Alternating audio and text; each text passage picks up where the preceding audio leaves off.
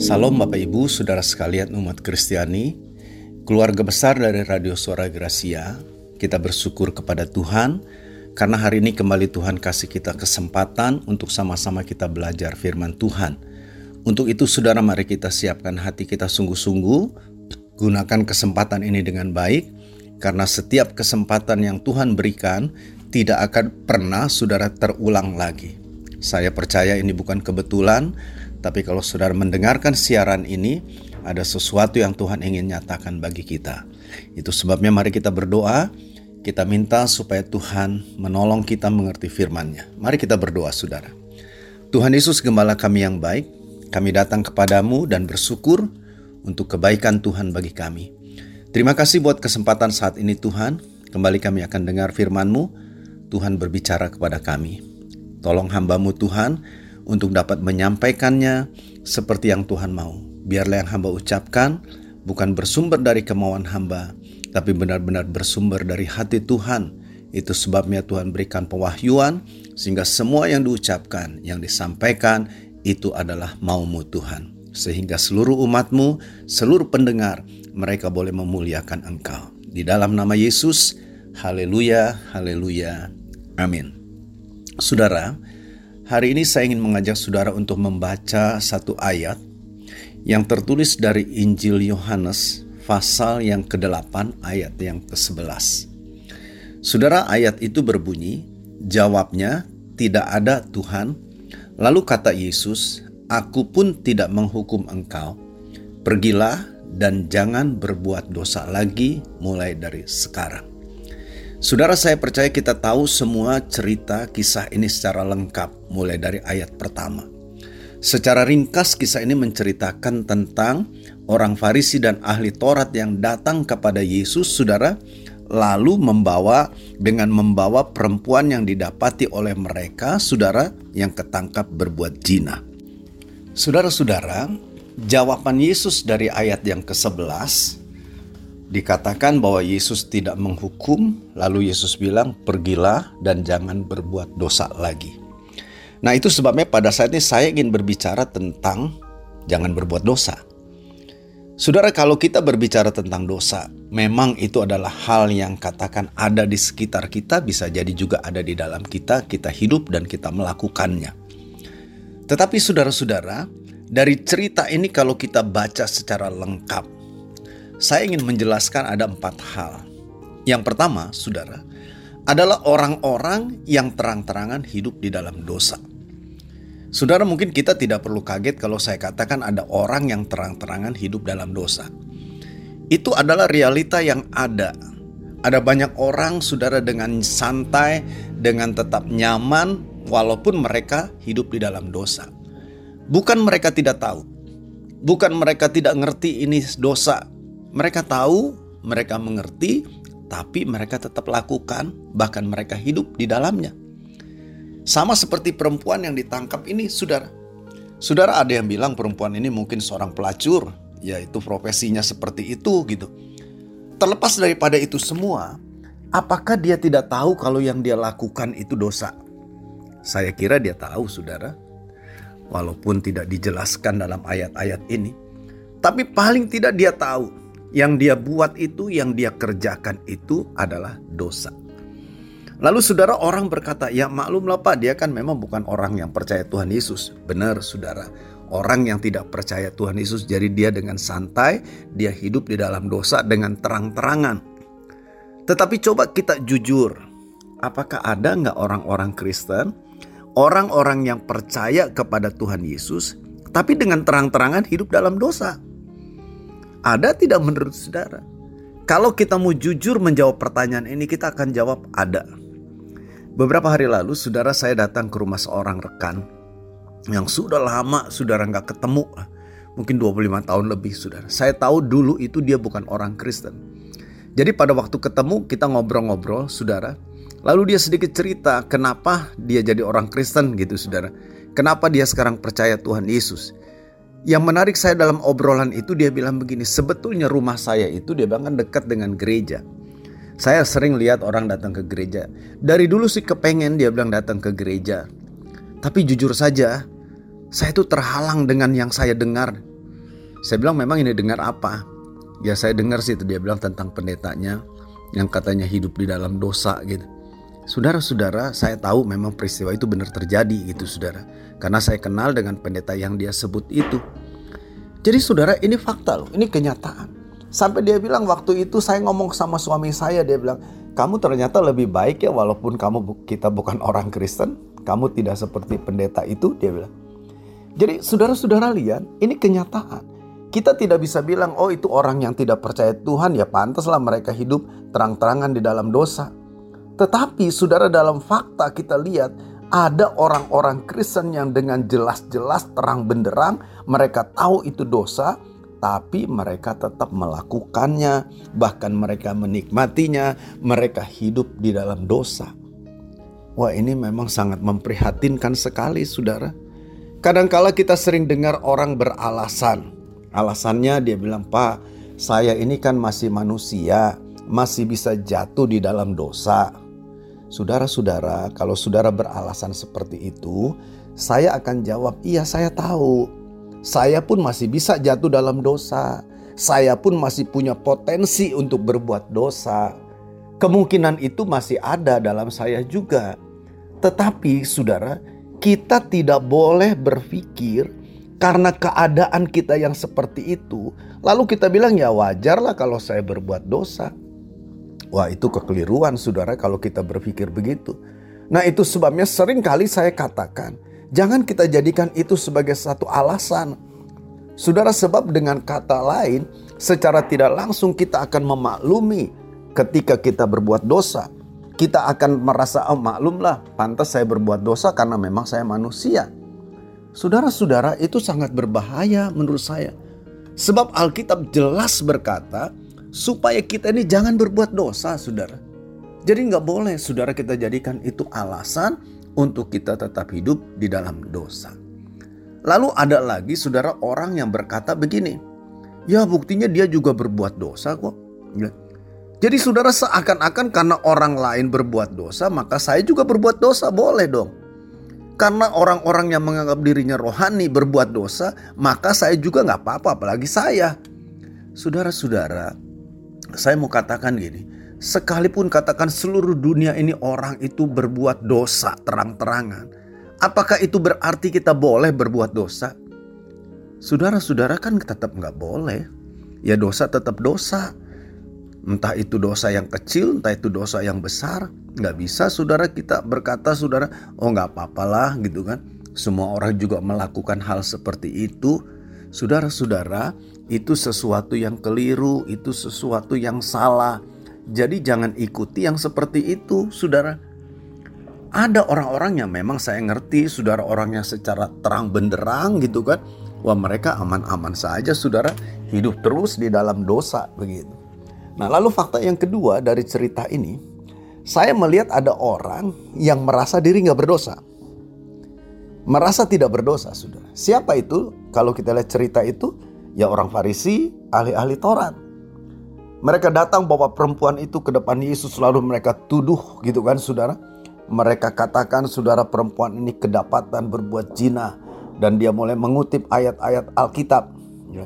Menurut hukum Musa, orang seperti ini harus dilempari batu sampai mati, begitu sudah. Ya memang benar itu tertulisnya seperti itu. Lalu saudara, Yesus mendapat pertanyaan mereka. Yesus bilang begini, oke, okay, kalau dalam bahasa saya sehari-hari mungkin Yesus bilang, oke okay, saya setuju, hukum Musa itu memang benar tertulis seperti itu. Baik silahkan, siapa di antara kalian yang tidak berdosa, silahkan dia yang pertama lempar batu kepada perempuan itu. Itu pernyataan Yesus sudah. Lalu saudara-saudara, Yesus nunduk kan gitu. Pas Yesus bangun lihat udah nggak ada orang tuh saudara. Ke mana mereka? Mereka pergi. Mulai dari yang tua sampai yang muda, mereka pergi tinggalkan perempuan itu. Saudara-saudara, saudara lihat di depan Yesus ternyata kita lihat orang-orang seperti orang Farisi ahli Taurat itu ternyata orang-orang berdosa. Saya mau bilang sama saudara begini. Mungkin di mata orang secara umum, mereka ini dianggap orang-orang yang sangat rohani. Para rohaniawan, wah para orang-orang yang beragama dengan taat. pasti hidupnya suci, pasti hidupnya benar, pasti hidupnya kudus. Apalagi kalau lihat penampilannya dengan segala macam atribut yang dia kenakan, dengan pakaian yang dia kenakan. Wah ini benar-benar orang yang selangkah lagi masuk sorga begitu. Saudara-saudara, banyak orang kadangkala coba sembunyi di balik jubah kerohanian. Saya ulangi lagi saudara banyak orang sering kali bersembunyi, menyembunyikan dosanya, kerusakan, kebobrokannya itu di balik semua hal-hal yang bersifat rohani. Saudara, belum lama ya, mungkin dua bulan yang lalu, barangkali dua bulan lalu, saya bertemu saudara dengan seseorang di Jakarta. Orang ini memang uh, teman dari teman an anak saya, saudara. Jadi anak saya dari Australia dan teman ini kebetulan pulang ke, ke Indonesia jadi saya mau nitip sesuatu buat anak saya. Saya datang ketemu. Waktu ketemu ngobrol-ngobrol saudara. Dia cerita dia baru memulai satu bisnis yaitu travel tour gitu sudah. Itu khususnya tour siara rohani ke Israel. Mungkin baru berjalan kurang lebih satu tahun lah. Saudara dia nawari saya, dia ngajak saya apa begitu kan. Ya itu bukan maksud saya cerita ini. Tapi saudara dari obrolan itu ada cerita yang mengejutkan saya. Dia cerita begini. Saya kaget loh Pak Ferry dia bilang. Begitu saya terjun dalam dunia travel khususnya tur ziarah rohani ini ke Israel. Ternyata dia bilang itu penuh dengan hal-hal yang kotor. Saya mulai dengar, saya pikir maksudnya kotornya apa? Apa maksudnya mungkin ya suap sana suap sini untuk dapat kemudahan gitu sogok sana sogok sini. Ternyata saya salah bukan itu maksud dia. Dia bilang begini, coba Pak Ferry bayangkan itu ada dia bilang. Para tour guide dia bilang, atau juga bahkan pembimbing rohani dia bilang, itu yang bisa hidup dan bisa tidur sama-sama di hotel, saudara. Ada tentu berlainan jenis gitu kan. Saudara bukan dengan pasangannya, bukan dengan istrinya.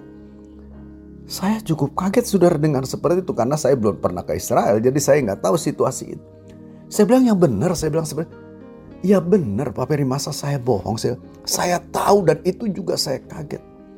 Saudara-saudara, saya bilang sama dia, saya kok dengar ini kaget ya.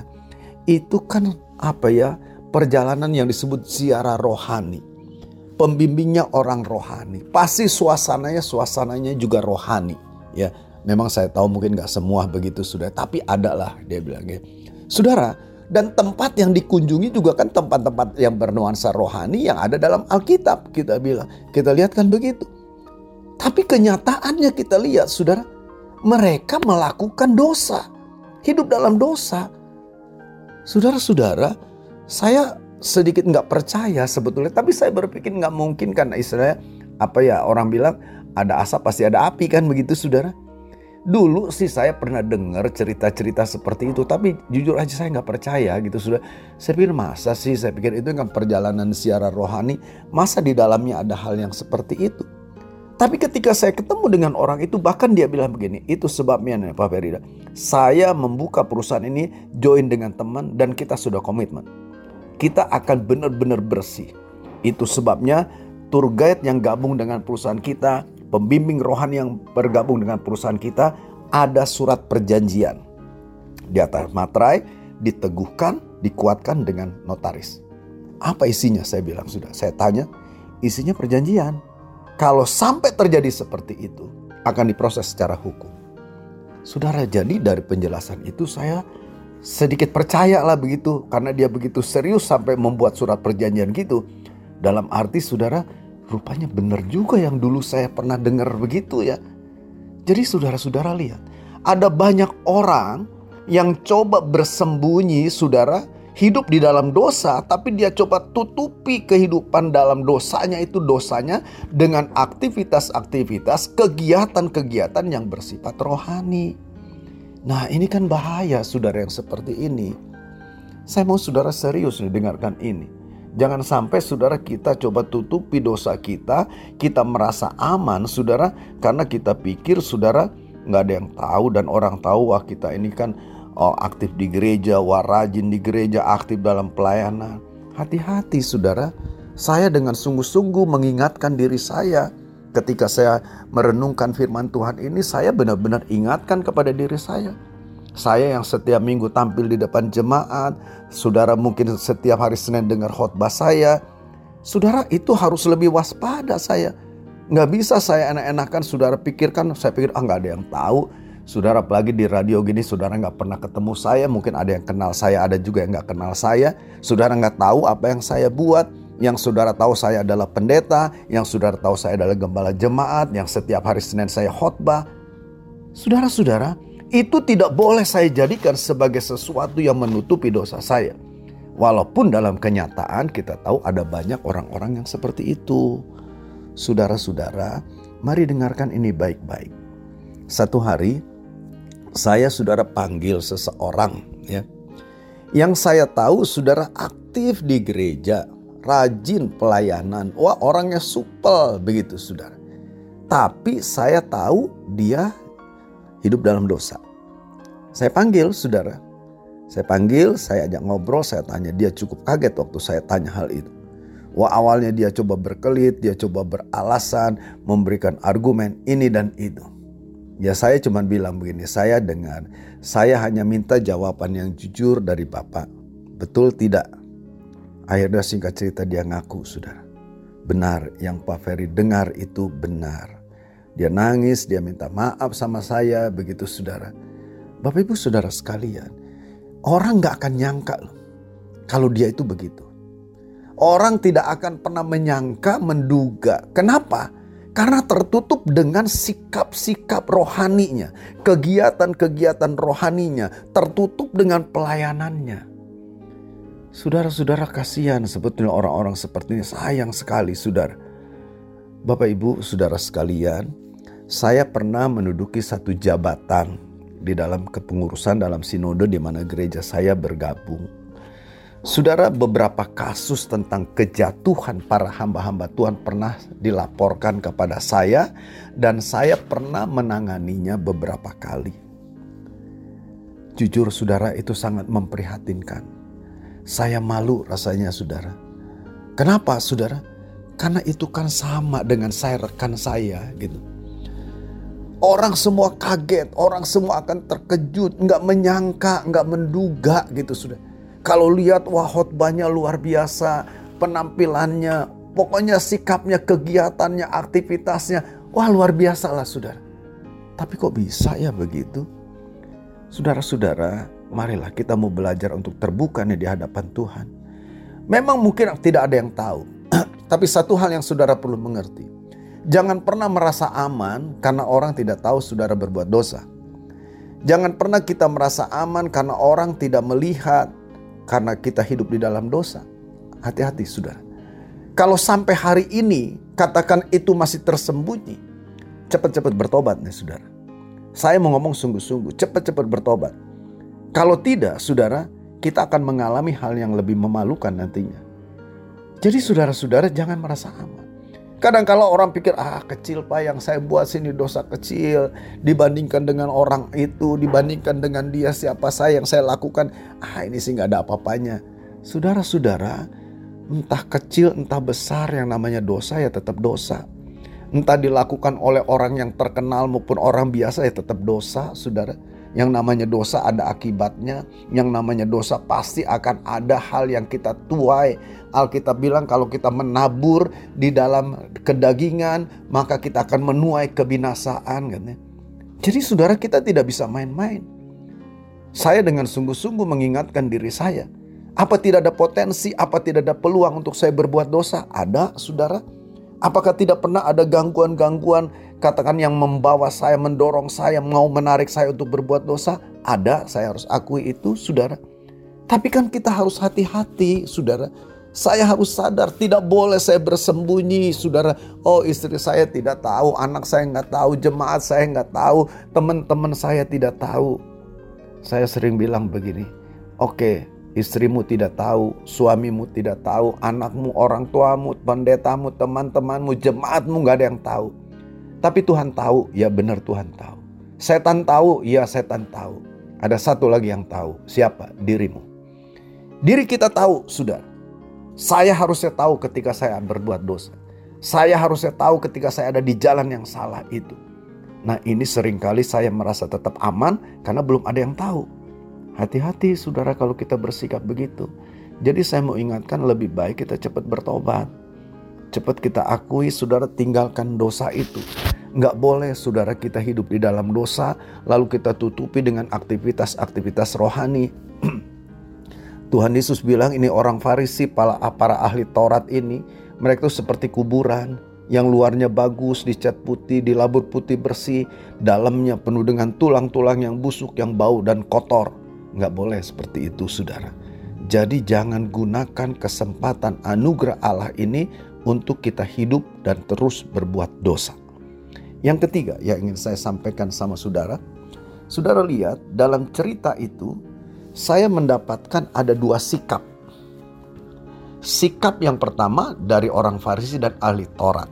Sikap yang kedua dari Tuhan Yesus. Sikap bagaimana? Sikap terhadap orang yang berdosa. Saudara-saudara, orang Farisi dan ahli Taurat memiliki satu sikap terhadap orang berdosa, yaitu saudara dihukum. Harus dihukum. Saya percaya memang Alkitab bilang dosa itu pasti dihukum. Tidak ada dosa yang dimaklumi. Jangan saudara pikir kalau kita berbuat dosa kan Alkitab bilang ya sudah ngaku minta ampun Tuhan ampuni. Benar saya tahu Tuhan ampuni. Tapi jangan saudara pikir enak-enakan bebas begitu saja. Ada akibat yang akan kita terima. Ada sesuatu yang akan kita terima. Kita mungkin harus menanggung rasa malu yang begitu luar biasa. Kita mungkin akan direndahkan. Kita akan diperlakukan begitu rupa. Menyakitkan. Menurut saya itu pasti. Alkitab jelas kok saudara katakan dalam kasus Daud. Daud saudara berdosa, berzina, ada akibatnya. Daud sombong, dia menghitung tentaranya, dia terima akibatnya. Diampuni nggak sama Tuhan ketika dia mengakui diampuni, sudah. Tapi akibat itu tetap dia terima. Musa kita lihat orang yang begitu dekat dengan Tuhan. Ketika dia tidak taat, juga dia terima akibatnya. Dia tidak boleh masuk ke tanah kanaan. Jadi saudara-saudara, hati-hati. Setiap dosa pasti ada akibat yang kita terima. Lalu kita bilang saudara tentang pendapat Yesus. Yesus dengan perempuan itu bagaimana? Yesus seperti kan bilang, sudah kamu pergi, aku nggak hukum kamu. Tapi jangan buat dosa lagi ya. Orang berpikir kok enak sekali ya. Berbuat dosa kok dia sepertinya nggak diapa-apain gitu saudara. Bahkan disuruh pergi ya udah pulang gitu, tenang saja orang itu. Saudara-saudara, ingat baik-baik. Apa yang dikedepankan oleh Yesus dalam menghadapi orang-orang berdosa berbeda dengan orang-orang Farisi dan ahli Taurat. Orang Farisi dengan ahli Taurat menekankan orang berdosa harus masuk neraka dihukum. Tidak ada peluang, tidak ada kesempatan. Pokoknya dia sudah berbuat dosa harus dihukum. Saudara-saudara, tapi beda dengan Yesus. Apa yang Yesus lakukan? Yesus tahu orang itu memang berdosa harus dihukum. Tapi saudara dia lebih mengedepankan kasihnya. Dia lebih melihat orang ini akan jauh lebih bermanfaat, lebih berbaik, lebih baik kalau dia bertobat, dia tidak hidup lagi dalam dosa. Saudara, bukankah dia sendiri yang berkata bahwa orang sakit itulah yang memerlukan tabib, bukan orang sehat? Dia bilang, "Aku datang ke dalam dunia ini untuk mencari orang berdosa, ini mencari perempuan-perempuan yang seperti ini." Bukan untuk supaya perempuan itu aman terus hidup dalam dosa, bukan tapi supaya orang-orang seperti perempuan ini dia boleh bertobat, tidak lagi hidup dalam dosa, tidak lagi hidup berbuat dosa, tapi hidup di dalam kebenaran. Saudara-saudara, ini yang sering kali saudara apa ya kita rasanya lebih suka kalau bersikap seperti ahli Taurat. Ketika kita lihat ada teman kita yang katakan jatuh dalam dosa, wah kita bersorak, kita syukurin, kita bahkan tekan dia, hancurkan dia. Wah senang banget gitu saudara kita mulai bersikap, kita mulai sebarkan begini supaya dia tambah hancur. Kan lebih gampang rasanya, lebih sering kita bersikap seperti itu. Tapi coba kita belajar pada sore ini. Ada kemungkinan suami kita jatuh dalam dosa. Ada kemungkinan istri kita, anak kita, orang tua kita. Teman-teman kita, pendeta kita mungkin. Atau teman sepelayanan, teman gereja. Ada kemungkinan saudara mereka bisa jatuh dalam dosa Bagaimana sikap kita coba pada menghadapi situasi itu? Apakah kita syukurin saudara lalu kita mulai tekan, kita mulai tekan dia supaya dia semakin hancur gitu. Karena begitu keselnya kita dengan dia. Saudara, menurut saya itu sikap yang kurang pas. Kita harus membenci dosanya, tapi kita harus mengasihi orangnya. Itu yang ada pada Yesus. Itu yang ada di hati Yesus. Tuhan Yesus kan ngajar begini, saudara. Kalau ada saudaramu yang berbuat dosa, panggil dia, tegur dia empat mata. Jadi ngomong berdua aja, saudara, ingatkan dia. Kalau dia nggak bertobat, nggak sadar, ajak coba orang lain. Ajak majelis gereja, katakan gitu, sama-sama untuk tegur dia. Kalau belum bertobat juga, belum sadar juga, umumkan kepada jemaat. Nah kalau sudah diumumkan kepada jemaat belum bertobat juga, lalu Tuhan Yesus bilang apa? Anggap dia sebagai orang berdosa atau pemungut cukai. Apa artinya itu? Apakah orang yang sudah tiga kali dengan tiga cara diingatkan, saudara, lalu nggak sadar-sadar, nggak mau bertobat, nggak mau berubah, sudahlah dipecat saja, dicoret saja namanya dari anggota gereja. Coret saja namanya dari jabatan pelayanannya. Jangan kasih pelayanan lagi. Jangan berikan ke peluang, jangan berikan pelayanan apa-apa kepada dia. Bahkan kita juga nggak perlu layani dia. Apa sikap seperti itu masuk daripada Tuhan Yesus? Menurut saya nggak begitu, saudara. Dibilang anggaplah dia sebagai orang berdosa, anggaplah dia sebagai pemungut cukai. Alkitab mencatat beberapa kali, saudara, Yesus melayani orang berdosa.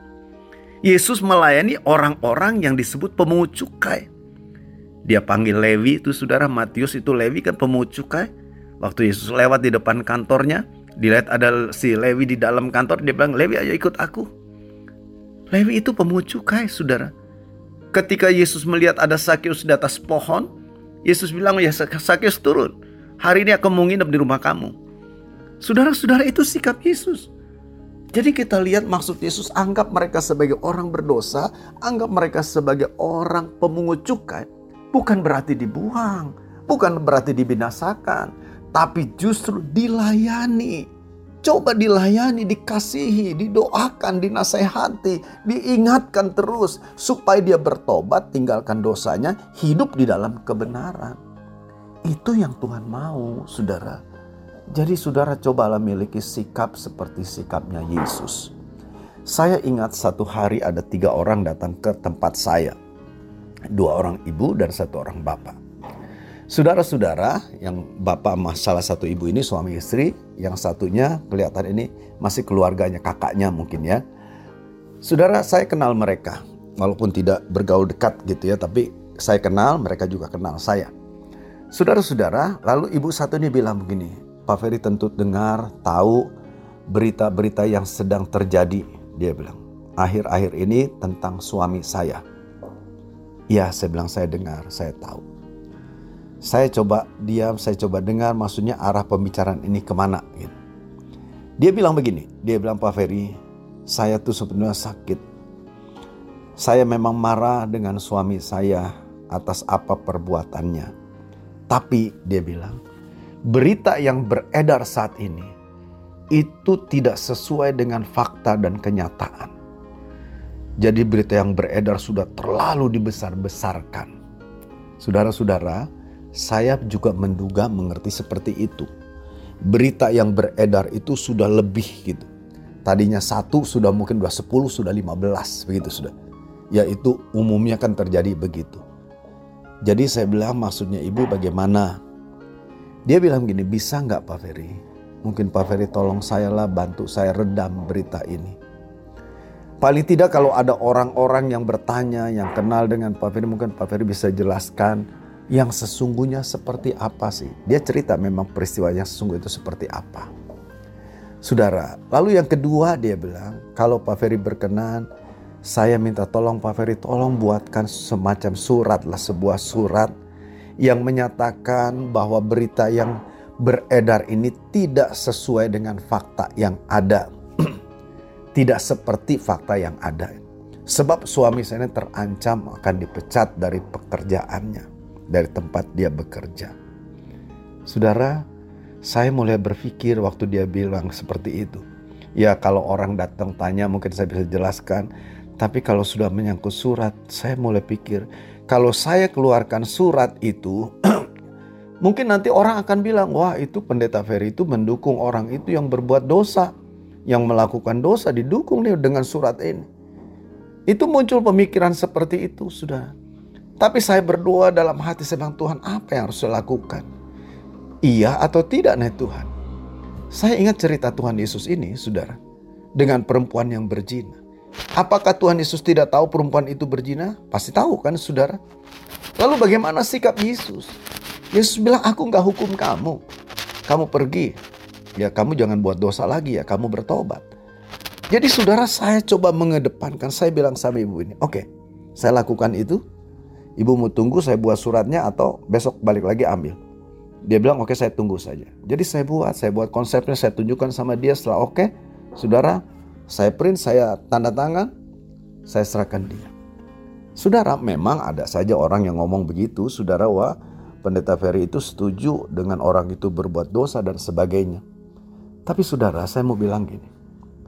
Seringkali memang lebih mudah untuk kita menjas, menjatuhkan, menekan orang yang sudah tergelepar seperti itu. Saudara bayangkan kalau kita ada di posisi dia. Dia itu sudah terhukum, saudara. Sudah benar-benar dihukum dengan berita-berita yang ada. Apa kita mau ikut-ikutan menghukum lagi semakin membuat dia semakin putus asa. Saudara coba bayangkan cerita tentang siapa tuh murid Yesus, Yudas ya. Dia menjual Yesus, dia nyesal sudah. Waduh dia merasa berdosa banget, dia merasa salah banget. Yesus sampai dijatuhi hukuman mati karena dia. Itu kan yang ada dalam pikirannya. Saudara-saudara, Lalu dia datang tuh kepada imam-imam, dia balikin uangnya. Imam-imam itu bilang, ah itu bukan urusan kami, kamu tanggung sendiri kesalahanmu. Saudara semakin terpuruk dan dia akhirnya putus, putus asa dia bunuh diri kan.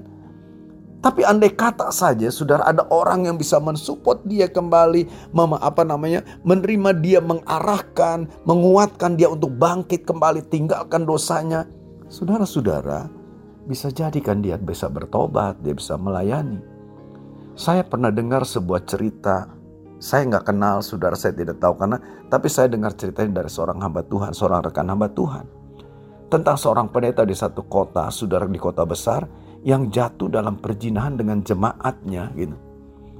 Saudara dia dijatuhi sanksi disiplin oleh sinodenya. Di, di skor selama dua tahun tidak boleh berkhotbah, tidak boleh melayani, jadi berdiam diri hanya datang ya sebagai jemaat duduk diam, nggak boleh memberikan doa, apalagi doa berkat gitu sudah. Saudara-saudara, dia lakukan itu. Dia lakukan itu saudara. Ya memang, ya katakanlah jemaat sepertinya awalnya kan mencibir dia dan sebagainya. Tapi singkat cerita, dia lewati dua tahun itu. Setelah dia itu direhabilitasi, dipulihkan lagi, dia boleh melayani. Dan saudara tahu, saya dengar berita itu, dia dipakai Tuhan luar biasa, sudah. Tuhan pakai dia lewat pelayanannya, banyak jiwa dimenangkan untuk beritakan Injil dan banyak orang saudara dimenangkan. Saudara, bagaimana bisa seperti itu? Ternyata memang ada seorang istri yang berbesar hati yang menerima dia. Tidak ikut menekan, tidak ikut saudara menghancurkan. Dia tahu dia sakit, dipehianati oleh suaminya. Dia tahu dia sadar suaminya salah. Tapi dia coba menerima, dia coba mengampuni. Saudara penerimaan ini sebagai satu dukungan yang dia terima, yang dia rasa, yang dirasa oleh suaminya. Dan yang membuat dia bangkit kembali. Saudara sebetulnya ada banyak orang yang bisa kita tolong kita bisa pulihkan, kita bisa bangkitkan kembali, bisa dipakai Tuhan lagi luar biasa. Andai kata saja setiap kita ini punya sikap seperti Yesus. Dia ingin orang yang berdosa itu bukan hancur, bukan binasa, tapi dia ingin supaya orang berdosa itu bertobat, berhenti, nggak buat dosa lagi, dipulihkan, hidup dalam kekudusan, dan dipakai oleh Tuhan dengan luar biasa. Saudara, bisa jadi orang-orang di sekitarmu jatuh dalam dosa. Bisa jadi orang-orang yang kita kenal, yang mungkin rohani atau apa pun juga keadaannya jatuh dalam dosa. Tahukah saudara orang-orang yang jatuh dalam dosa apalagi sampai diketahui orang itu sudah terhukum. Dan kalau kita tidak menolong bahkan kita sebaliknya menekan dia akan semakin hancur. Tapi saya berharap mari kita punya hati seperti Yesus bukan setuju dengan apa yang dibuatnya, bukan mendukung dengan apa yang dibuatnya. Tapi Yesus bilang kamu harus bertobat, berhenti, jangan buat dosa lagi. Saya berdoa biarlah itu ada pada kita sekalian. Yang terakhir yang saya mau katakan, saudara. Cerita ini diakhiri dengan satu pernyataan Yesus kan. Pergi dan jangan buat dosa lagi dari sekarang. Saudara cerita itu sepertinya belum selesai. Artinya kita tidak tahu bagaimana respon daripada wanita ini. Apakah benar dia bertobat, dia tidak buat dosa lagi, dia hidup dalam kebenaran, dia tinggalkan dosanya, atau dia kembali lagi hidup dalam dosa karena merasa, oh Tuhan saja sudah ampuni saya. Saudara ini pilihan. Yesus perhadapkan kepada pilihan mana yang mau dipilih. Ini jalan yang ke kiri, jalan lama, atau jalan ke kanan, jalan yang baru. Keputusan ada pada perempuan itu. Saudara demikian juga dengan kehidupan kita saat ini. Mungkin kita ada di dalam hidup dalam dalam hidup dalam dosa. Kita sedang jatuh terpuruk karena kita hidup jatuh dalam dosa. Bisa jadi itu terjadi, Saudara. Tapi ingat baik-baik saudara, Tuhan kasih kesempatan sama kita. Dia mau kita bertobat, dia mau memulihkan kita. Itu sebabnya ambil keputusan sekarang. Mana yang saudara mau pilih? Saudara mau tetap hidup di dalam dosa karena sampai hari ini saudara tetap merasa aman dan nyaman tidak ada orang yang tahu? Atau saudara mau dengan sadar berkata, Tuhan ampuni saya, saya sudah hidup dalam dosa.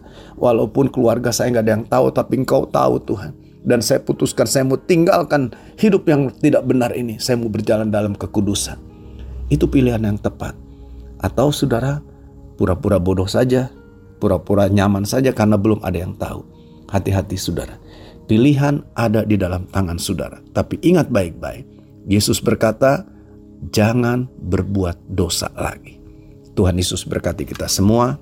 Amin. Mari kita mau berdoa. Terima kasih Tuhan buat kebaikan-Mu, buat kebenaran firman yang kami dengar pada hari ini. Biarlah kiranya firman ini mengubah kami, membawa kami dalam satu kehidupan yang benar, yang kudus di hadapan Tuhan.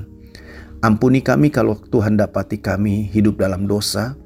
Ampuni kami dan kami akan keluar. Berikan kekuatan kepada kami untuk kami tinggalkan dosa ini dan kami hidup di dalam kehendak-Mu Tuhan. Terima kasih untuk kesempatan yang baik yang Tuhan berikan kepada kami untuk kami kembali dipulihkan. Bapak berkati seluruh pendengar sekalian, kasih karuniamu turun atas mereka, kemurahan dan kebaikanmu nyata bagi mereka. Pulihkan mereka yang sudah terpuruk, bangunkan kembali mereka, dan Tuhan pakai kembali mereka. Terima kasih Bapak, berkatmu ada atas setiap kami, atas setiap pendengar, setiap tempat, setiap kota di mana siaran ini diperdengarkan. Kiranya berkat Tuhan mengalir ke sana. Kami juga mau berdoa Tuhan, khususnya dalam kesibukan-kesibukan menjelang hari raya Idul Fitri ini. Tuhan ada banyak perjalanan yang dilakukan oleh masyarakat Indonesia. Kami berdoa lindungi mereka, sertai mereka. Biarlah di dalam suasana mereka pulang kampung, kasih Tuhan nyata pada mereka. Tuhan boleh berbicara, menyentuh hati mereka dengan kasih-Mu, membuka mata mereka untuk melihat kebenaran-Mu Tuhan. Kami juga doakan Tuhan untuk aparat kepolisian, TNI, bahkan setiap unsur yang membantu kelancaran arus mudik ini. Berikan kekuatan, kesehatan, kesabaran, hikmat untuk dapat mengatur, mengatur dengan baik Tuhan. Terima kasih Bapak. Biarlah kiranya Tuhan dengar doa kami saat ini. Terpujilah nama Tuhan di dalam nama Yesus. Haleluya, haleluya. Amin. Amin.